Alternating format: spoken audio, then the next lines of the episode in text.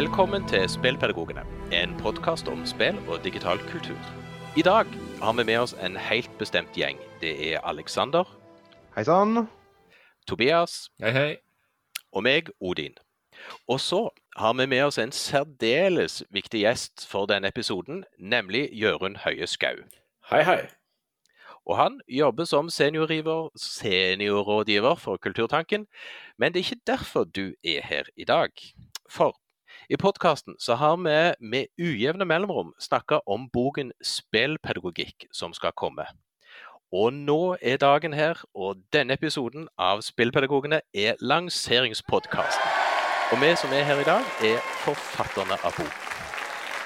Og bortsett fra å drive med uhemma skryt av boken, så har vi lyst til å si noe om hvorfor vi har skrevet den. Vi er nemlig rimelig sikre på at dette er en viktig bok. Er vi ikke det? Jo. Fullstendig sikre. Eh, Denne boka bør alle som er interessert i dataspill og læring, og i og for seg skole, ha i bokhylla si. Ja, for så vidt alle som ikke er interessert i dataspill og skole og læring. Det Det er faktisk alle borgere i Norge når vi tenker oss om. Ja. ja. Men Jørund, som gjest her, hvorfor har vi skrevet boka? Jeg eh, tenker at den har vi skrevet fordi det var veldig viktig å samle erfaringene til spillpedagoger eh, rundt omkring. Jeg har eh, jobbet mye sammen med alle dere i forskjellige små og store utviklingsprosjekter i Senter for IKT i utdanningen og UDIR tidligere. Men det som har versert av fagmateriell som vi har laget underveis, det har jo vært noen læringsopplegg her og der, et spillnotat som var litt begrenset i formen. Eh, Det var jo på en måte ingen tvil om at vi satt på såpass mye rikt materiale når vi samlet det vi hadde, at det var grunnlag for en eh, bok. Eh, Så det har jo vært en fest å feste blikket bakover og prøve å samle erfaringene som særlig dere i Spillpedagogene har gjort rundt omkring i klasserom og på, på lærerstudier osv. Og, så og ha et blikk framover på hvordan eh, dette feltet burde se ut dersom eh, spill i skolen blir større.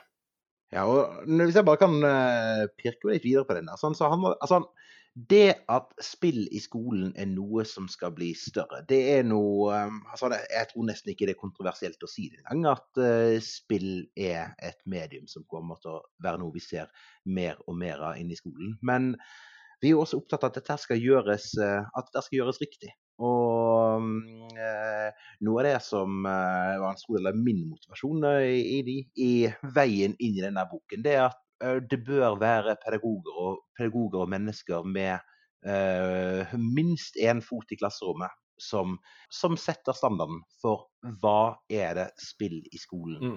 Hvordan er det spill i skolen skal se ut. For at ellers så kan vi, Mm. kan vi ende opp med at dette her er edtech-bransjen som ender opp med å definere, og det, det syns ikke jeg noe særlig om. Det ville blitt en helt annen bok.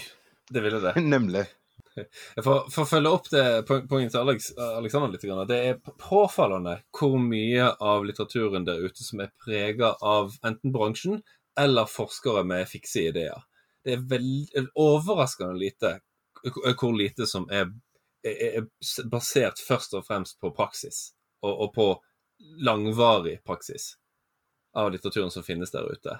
Så det, det er sikkert dere enige med meg, enige med meg at, at det var mitt, min store ønske med boka, at her skulle det komme noe eh, ja, tips og råd og videreformidling av de erfaringene vi har gjort, eh, til eh, både værende og, og kommende spillpedagoger. Mm. Ja, det er jeg helt enig i. Vi eh, sitt, kunne jo sitte her resten av dagen og kvelden og snakke om hvor fortreffelig denne boka er på alle måter, men eh, det er riktig det du sier der, Tobias, at eh, vi tenker jo at boken har en unik plass fordi den er basert på så mye praksis som har foregått i norsk skole. eh, Tilpasset norske læreplaner eh, som det finnes i dag, og tilpasset fagfornyelsen.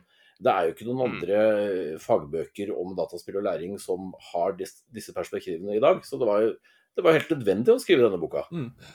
ja, det var, det var akkurat det jeg skulle, skulle egentlig til å spørre om. Hva, hva, er det som, hva er det vi har fått til som er spesielt? Men det svarer du jo delvis på, Jørund.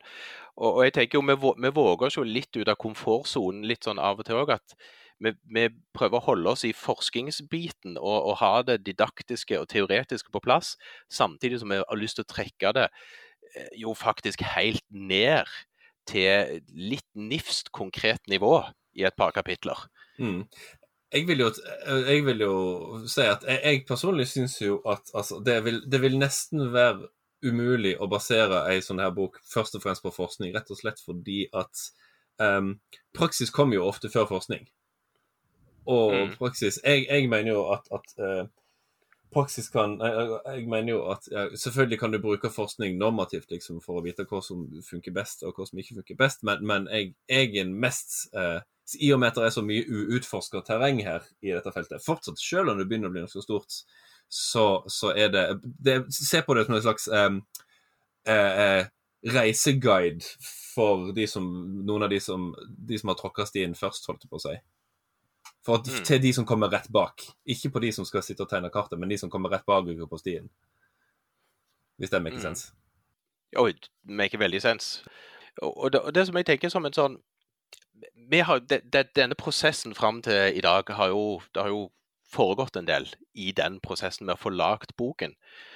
Eh, Det som jeg syns har vært kjekt, bortsett fra at dere alle tre andre er superkjekke å jobbe med, er jo at eh, vi, vi har jo brukt jeg, jeg liker å hente frem det. Det har ingenting med spillpedagogikk sånn sett å gjøre, men det er litt sånn teknisk for boka.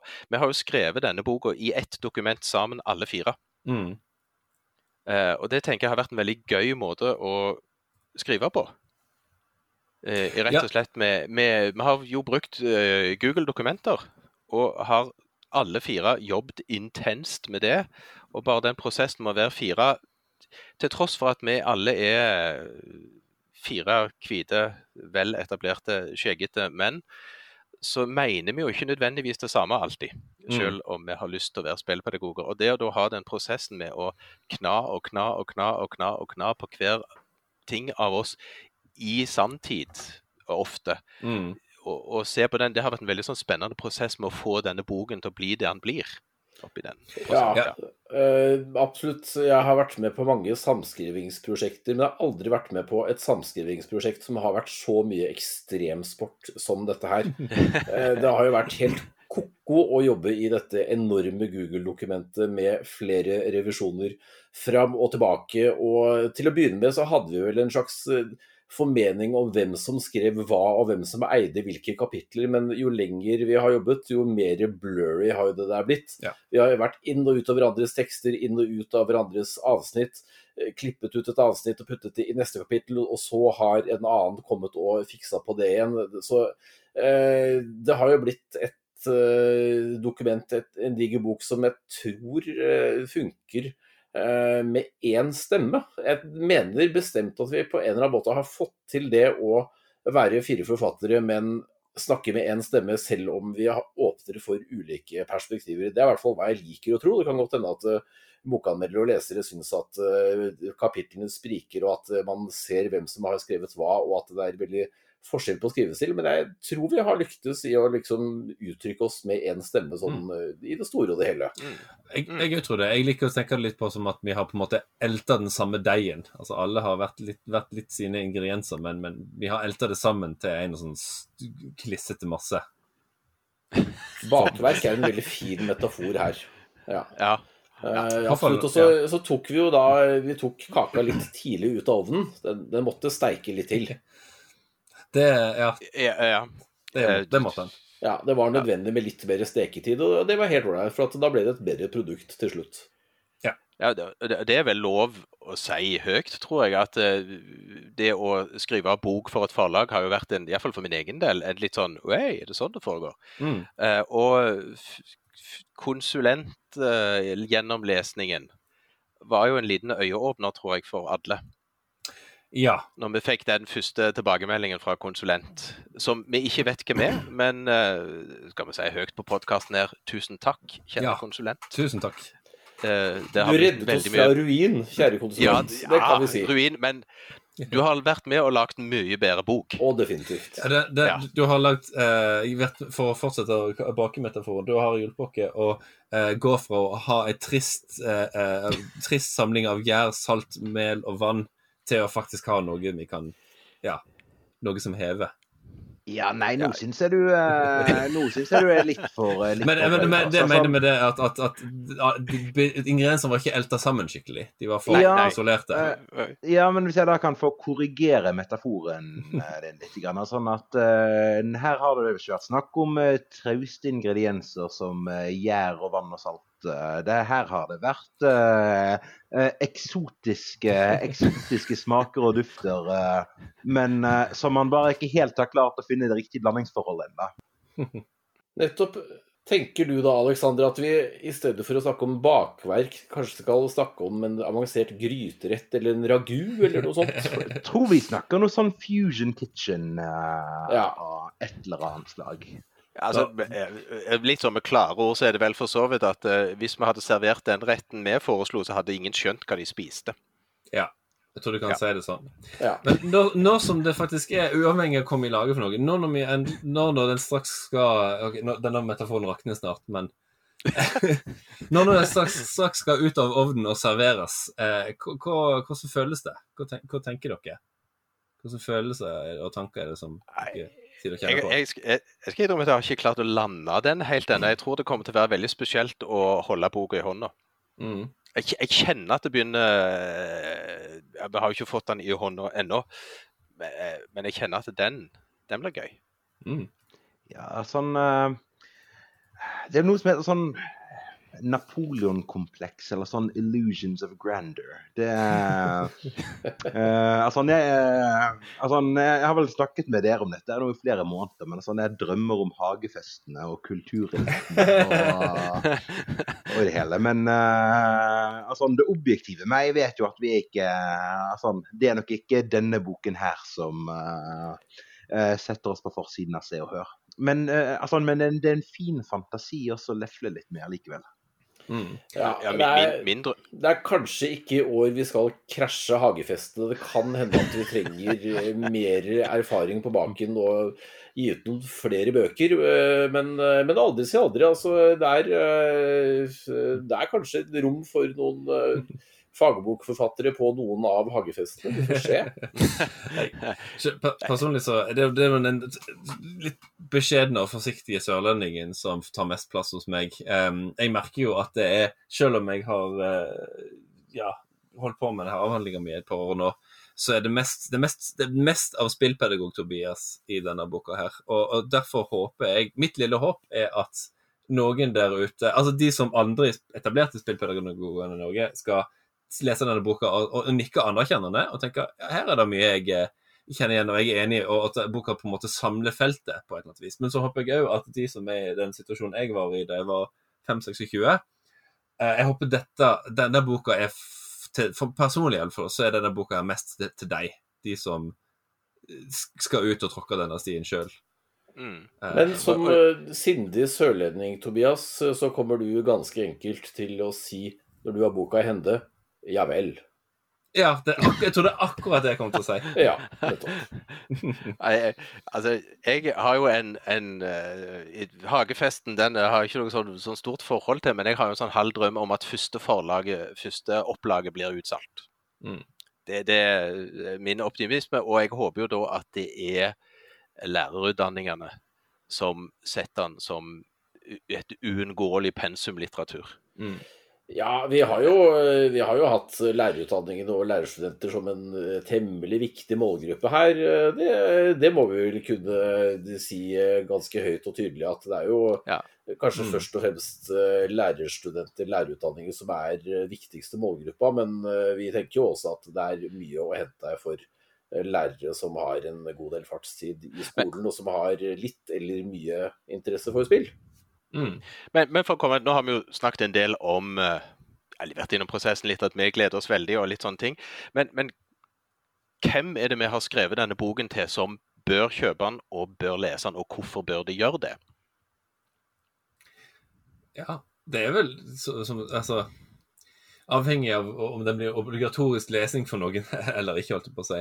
Um, nei, jeg, jeg, jeg, tenker jo i utgangspunktet um, Boka for å, for å måtte En av noe jeg er mest fornøyd med med boka, er at eh, den er nokså allsidig. Altså, den inneholder eh, det burde vi, nesten, vi, burde nesten gjort det, bare gått gjennom kapitlene veldig kjapt for å se hva som står der, eller hva de handler om. Men eh, jeg håper det er noe for alle her. Det er noe for skoleledere, det er noe for etablerte, erfarne lærere, det er noe for studenter.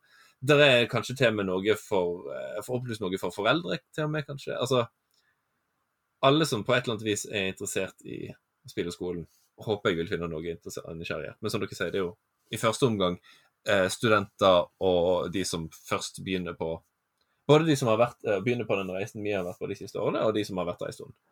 Ja, og noe av det jeg håper på, det er at det, eh, dette er en bok som også leses av de som er etablerte lærere. Altså de som gjerne har vært lærere i, eh, som har vært lærere i 10-20 år og kan fag og vet hva det er å være lærer og har kanskje ja, funnet sine måter å undervise på, funnet sine måter å være lærere på. For det, eh, noe av det som har vært et, uh, et, vært et, viktig moment for meg i prosessen med dette, det er at, sånn at eh, selv om spill er på mange måter et Altså, det er et nytt felt, og det er på mange måter da også upløyd grunn.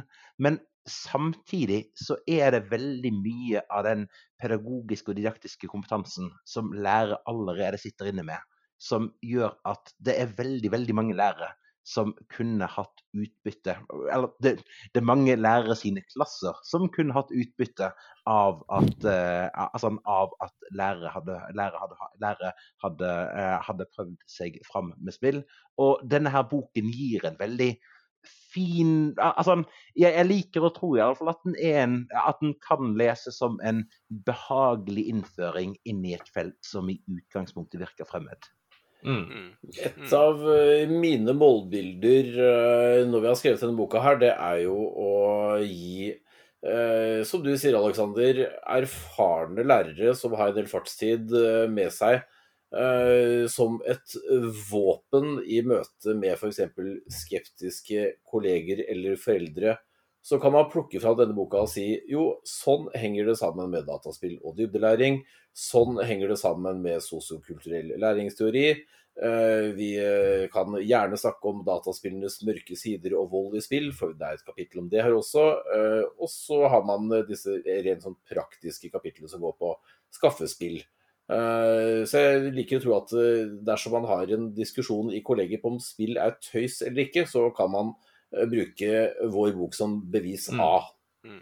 Ja, og jeg, ja, og det, det, det jeg òg håper, veldig kort fortalt, altså, at, at, den eh, For den er jo skreven der, eh, jeg, Den er nokså nøktern og, og, og, praksis og jordnær, og, og, jeg håper at den først og fremst er med på å legitimere eh, feltet.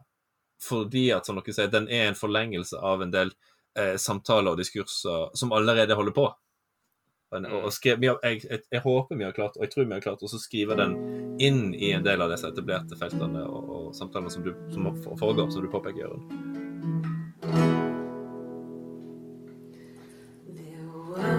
Two sisters came walking by the sea. Oh, the wind and the earth eldest one pushed the other Oh,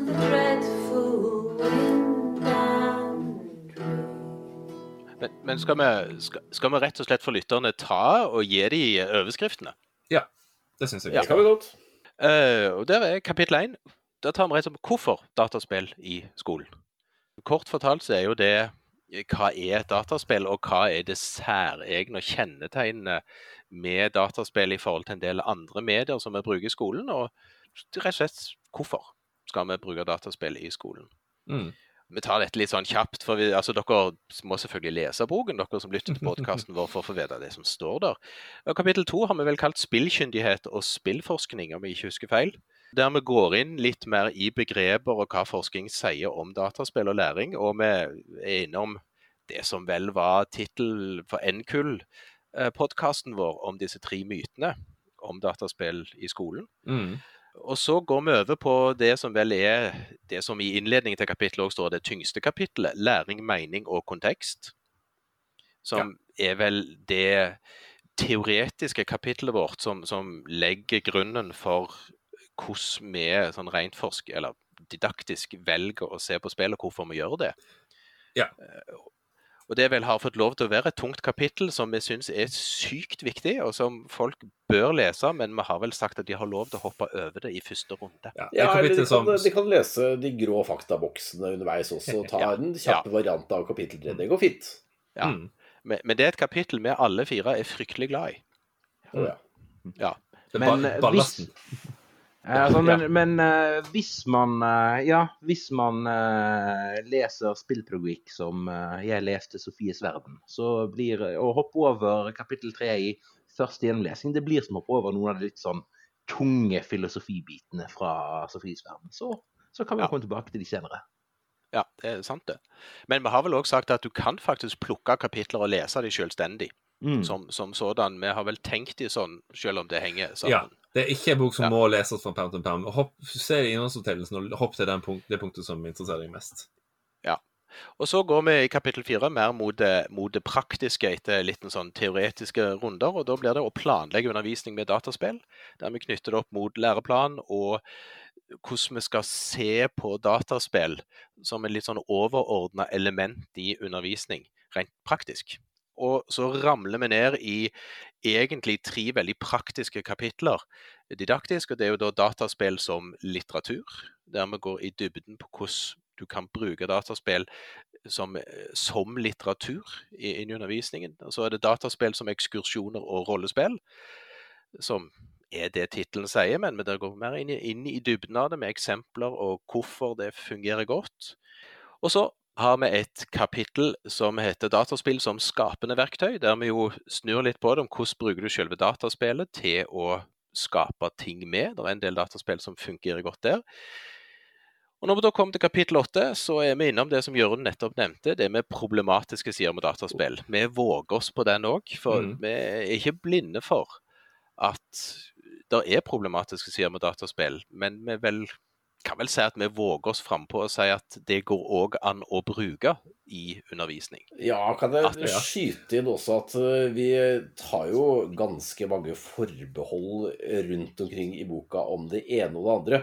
Mm. Vel, så er vi dataspillentusiaster, men vi er eh, ganske flinke til å eh, helle kaldt vann i blodet på folk i, mm. gjennom hele boka, tenker jeg. Og det var vel egentlig derfor vi ikke var redd for å eh, kjøre på med et kapittel om Mm. dataspillmediets mørke side heller. For det vet vi også er en del av diskusjonen på kollegene rundt omkring.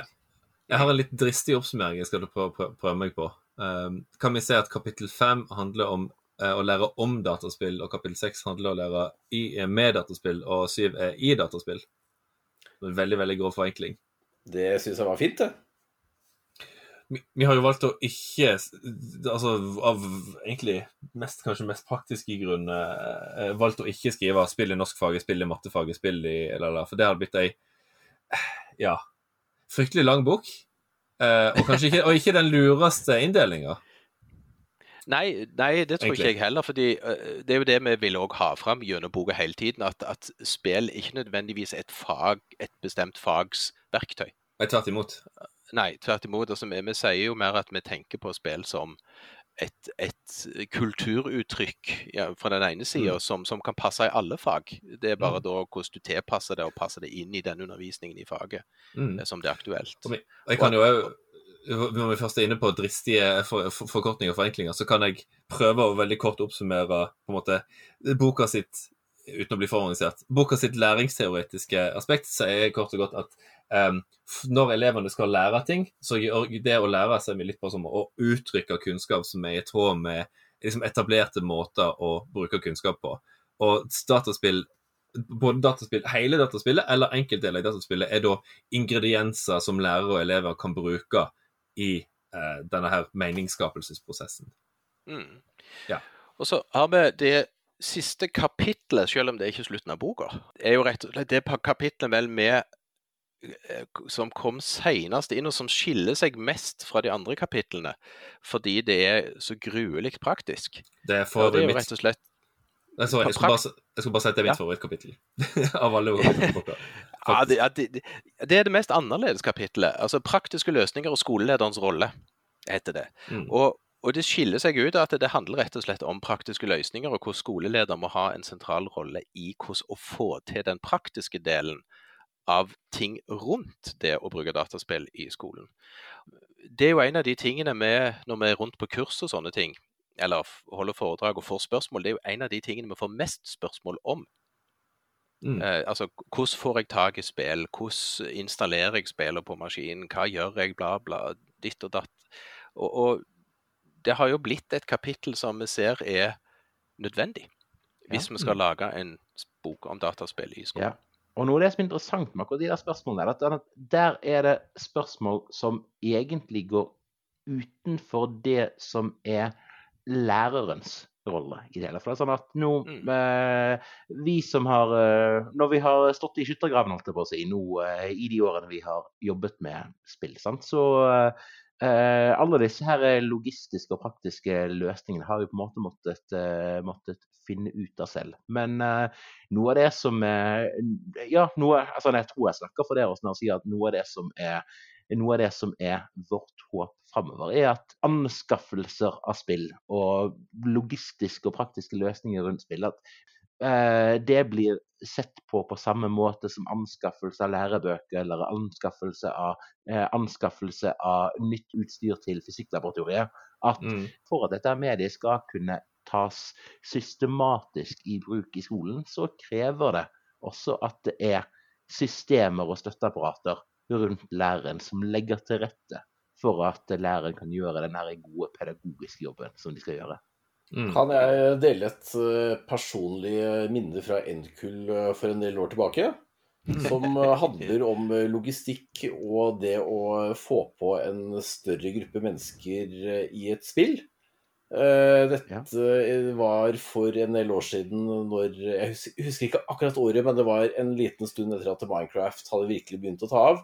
Da hadde jeg og Vibeke Guttormsgaard en sesjon på uh, NKUL hvor vi hadde et sted mellom 150 og 200 mennesker, lærere som skulle inn i samme Minecraft-verden. Vi ante virkelig ikke hva vi drev med.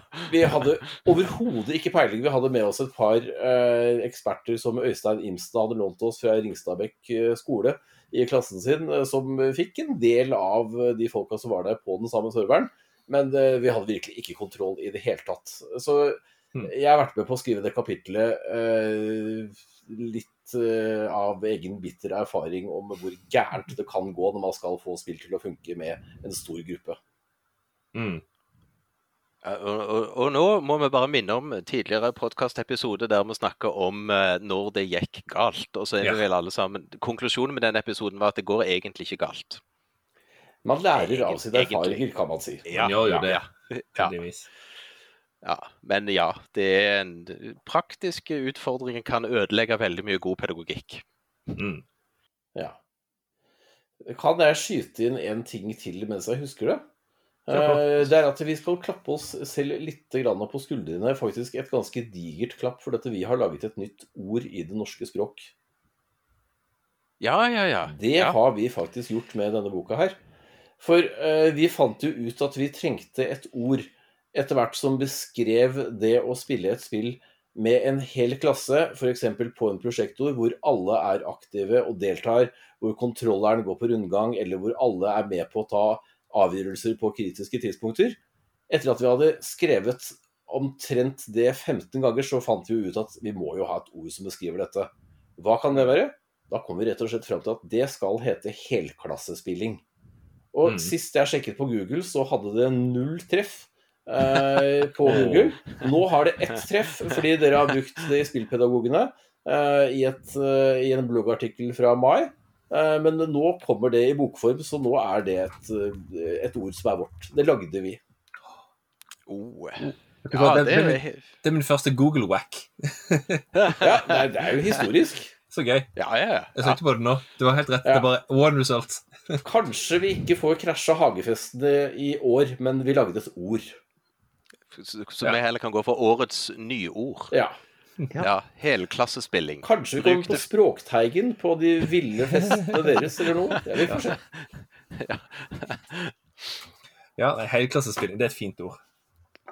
Ja, det, det, er jo det. Og det som Bjørn sa, det er jo et, et ord med eh, Eller det, det, er en, det, er en, ting vi har prøvd å beskrive veldig mange ganger på veldig mange forskjellige måter. Og mm. vi har lagd oss da rett og slett et slags faguttrykk innenfor mm. spillpedagogikk.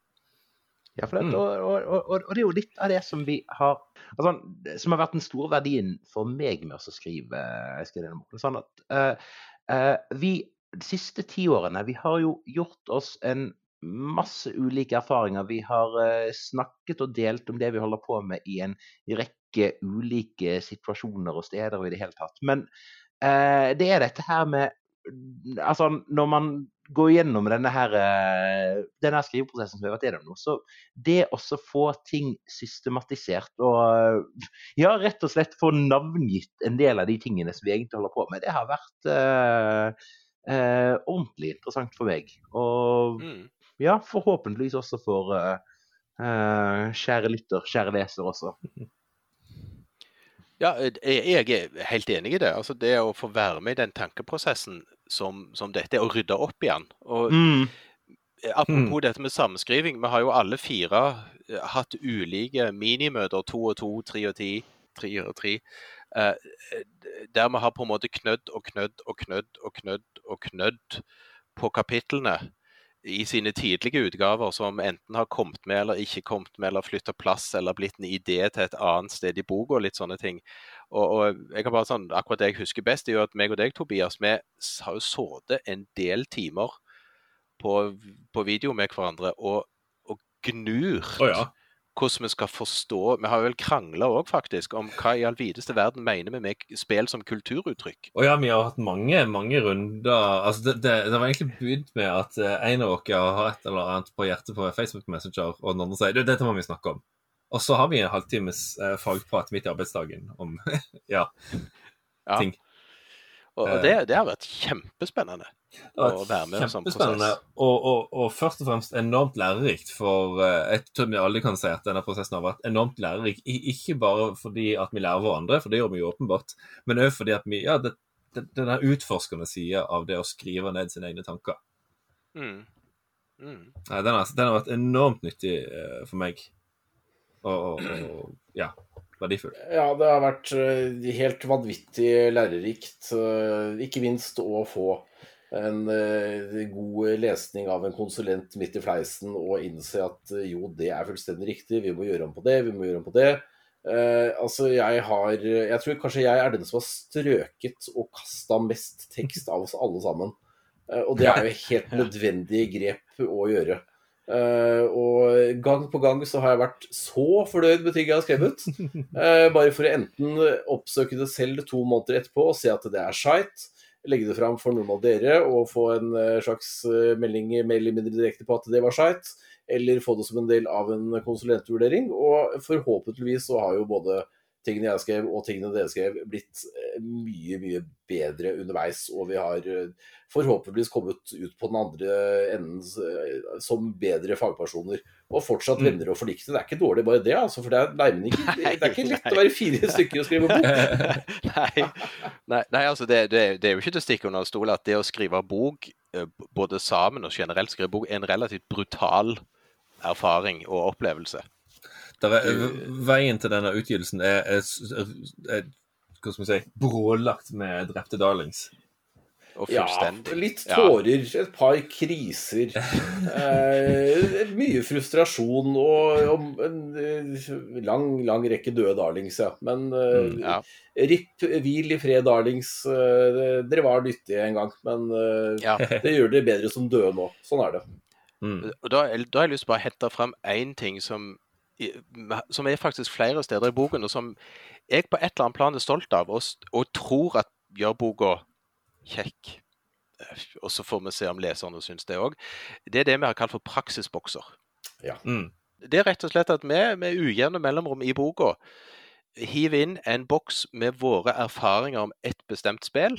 Om hvordan det har blitt brukt i klasserommet, og hva vi har erfart rundt det. For vi har så at boka ellers kan jo bli teoretisk til tider. Og, og der vi snakker mye om spill, og lite om hvordan vi har brukt spill rent praktisk. Og så så vi at der var det behov for det som ble praksisboksene. Mm. Uh, Og de syns jeg er De er jeg glad i. Mm. De tror jeg ble bra, og så får lesere eh, sende sinte mailer til meg og si at nei, de var bare tull. Jeg mi- tror det har blitt eh, en mye bedre bok av at vi kan hoppe ut av den litt tørre, store vi-formen og våge å være personlige i disse praksisboksene og legge hodet litt på blokka og fortelle om gode erfaringer og eh, dårlige erfaringer. Og det er som, eh, det er som du sier, Odin, kanskje noen vil være dundrende uenig med oss og synes at eh, det er et uh, tåpelig brudd at disse praksisboksene står sånn, men jeg tror, vi, jeg tror vi lever veldig godt med dem. At det Ja. formidler eh, ideene og tankene bak boka på en veldig god måte. For at det er jo, vi håper jo at folk skal bli inspirert av å lese boka. At de enten tar fatt i noen av oppleggene, lager sine egne versjoner, eller bruker noen av måtene vi tenker på og resonnerer på. Og eh, tar eh, sin egen ball og løper med den med andre spill. Ja. Mm, Og mm, mm. jeg vil jo gjerne at dette skal være en bok som man eh, om ikke har på kontorpulten, men har i nærheten av kontorpulten. Og så kan man eh, vippe den ned, og så eh, leste jeg ikke et eller annet sånt eh, enkelt og greit opplegg som jeg kan komme kjapt i gang med. Og så bla opp og så finne ut at aha, det her har vi noe helt konkret som jeg kan ta eh, inn i klasserommet med ikke altfor mye forberedelse. I alle fall. Mm. I alle fall i den delen av prosessen hvor man skal sette i gang med dette her, med å bruke, med å bruke spill. Og så håper jeg jo personlig at, at Jeg håper jo at, og det tror jeg mye òg klarer, at det, det handler først og fremst om å, inn, å, å, å inn, gi folk innføring i måter å tenke på. Eh, Ja. Litt sånn, Ja. litt å avmystifisere spill, og det har vi jo en, en, del, eh, en hel del om dedikert i boka. Myteknusing, rett og slett. Um, og, og, og tenke at det, dette er ikke så Altså litt For å trekke, trekke inn New Yorkers eh, helklassespilling igjen. At, at, at det er ikke så vanskelig å komme i gang som man tror, men det handler om måten du tenker på. og Det handler om måten du tenker hvordan rolle har spillet i den sosiale aktiviteten som er læring og undervisning. Ja. Eh, Og, og i tillegg til at du må være litt uredd og våge. Ja. Du er nødt, til, å, du, du er nødt til å svømme ut på den dype enden av bassenget på et eller annet tidspunkt. Ja. Eh, vi har gitt deg noen uh, svømmeringer som du kan, som du har forhåpentligvis tar av deg etter hvert. Jeg synes det er veldig Det er, det er kjempefin metaforbruk. Nå har vi vært inne innom både skyttergraver, kjøkken, bakst, ragu, suppe og nå svømmehall. Eh, Keep on coming. Det er så vakkert å høre på.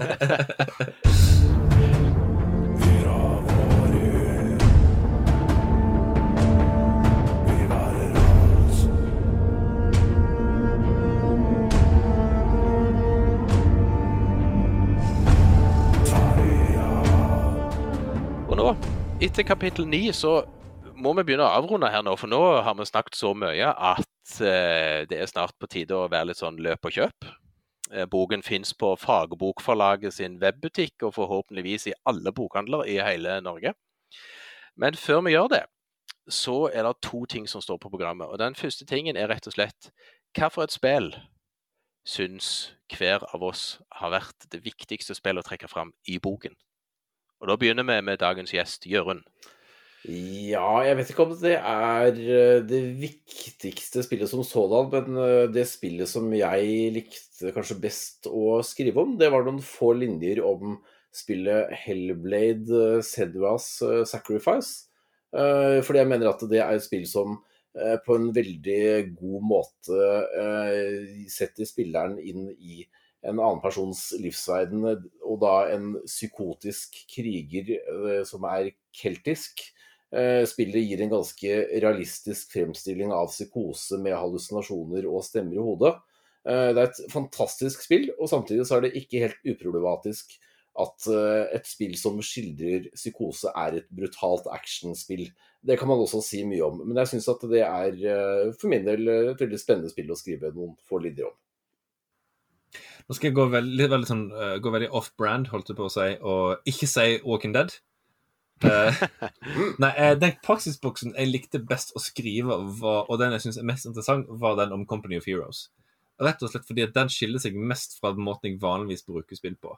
Uh, det ene, og det er et av de, gang, en av de oppleggene jeg har kasta sammen, litt sånn med eh, pakketeip og, og lim, og så funker det likevel.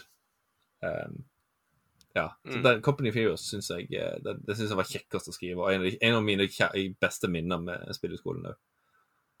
Jeg bruker litt andre utvalgskriterier enn det dere har brukt. Jeg vil si- snakke litt om det spillet som jeg tror at kommer til å være den store skoleslageren eh, framover. For det, nå, eh, fra neste skoleår, så eh, kommer jo spill inn i eh, engelskfag. Og eh, på videregående skole så må jo nå alle lærere begynne også å finne ut av hva er det egentlig de skal gjøre med spill. Og Her Story tror jeg at kommer til å være et av de spillene som eh, Mm. vi kommer til å se i masse klasserom rundt om. For det, det er et spill som egner seg så godt til helklassespilling. Det nå brukte jeg, er eh, nå brukte jeg begrepet igjen, for at dette er rett og slett en uh, skikkelig både god og spennende krimhistorie som er, altså, som er fortalt gjennom en serie med små videosnutter. Og den har en handling som er spennende. Den tar opp aktuelle temaer fra den engelskspråklige verden, og er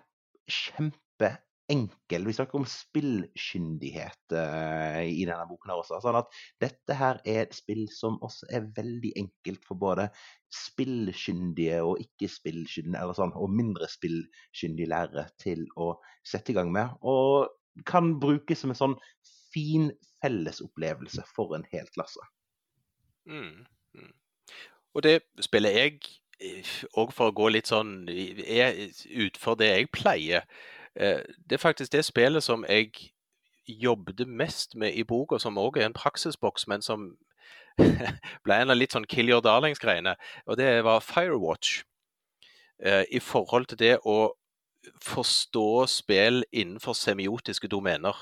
Om hva på en måte et spill inneholder av ulike lag og ulike roller i en, i en kulturell forståelse av spill som et kulturelt objekt på, på mange ulike nivå.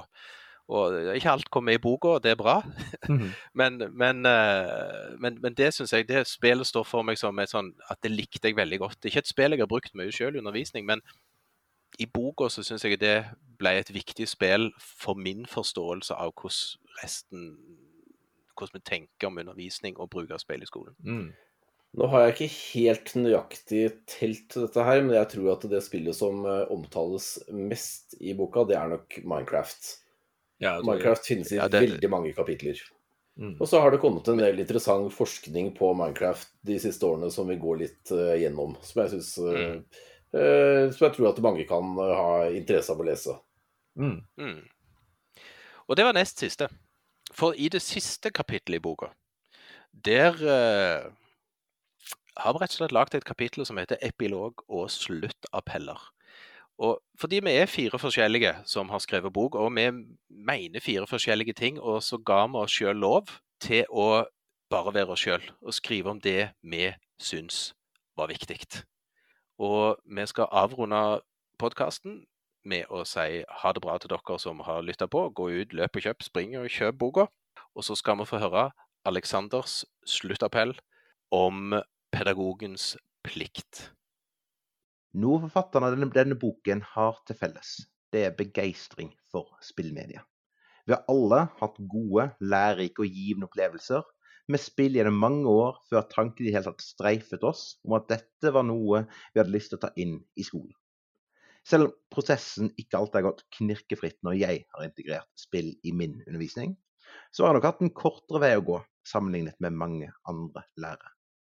For det saken er at dess mer kunnskap, interesse og engasjement vi har for et medium, en metode eller et tema, dess lettere er det å gjøre bruk av dette i undervisningen.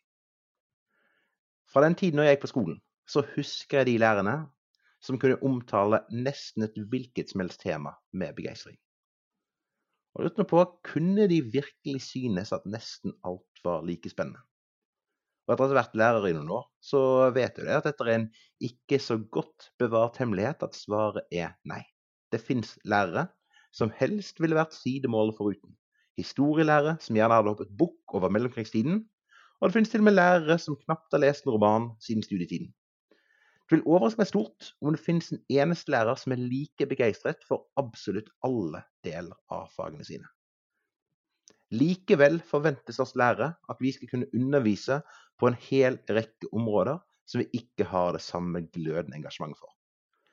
Det er en del av vår plikt som pedagoger at vi også setter oss inn i de kompetansemål som vi ikke synes er så spennende. Vi har alle medier og sjangre som ikke er helt vår greie. Men uavhengig av den enkelte syn på spillmediet, er dette noe lærere må vite noe om, og kunne si noe fornuftig om i klasserommet. Som jeg regner med at vi har understreket tydelig nok i løpet av denne boken, er dataspill et sentralt kulturuttrykk i vår samtid. Det betyr ikke, iallfall ikke enda, at alle lærere må være eksperter på bruk av spillundervisningen. Men det betyr det at når en elev sammenligner Nora fra et dukkehjem med Katie fra Gone Home, eller bruker eksempler fra The Walking Dead for å understøtte en utlegning om dydsetikk, må vi forvente at lærere er bevisst nok på spillmediet til å anerkjenne verdien av elevenes refleksjoner. Som engelsklærer så gleder jeg meg over det nye kompetansemålet.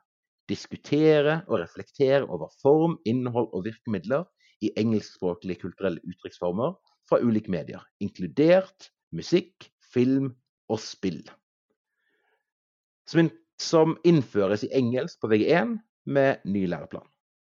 Samtidig har jeg vært på nok samlinger for engelsklærere til å vite det, at det er ikke alle som ser like mye fram til dette som det jeg gjør.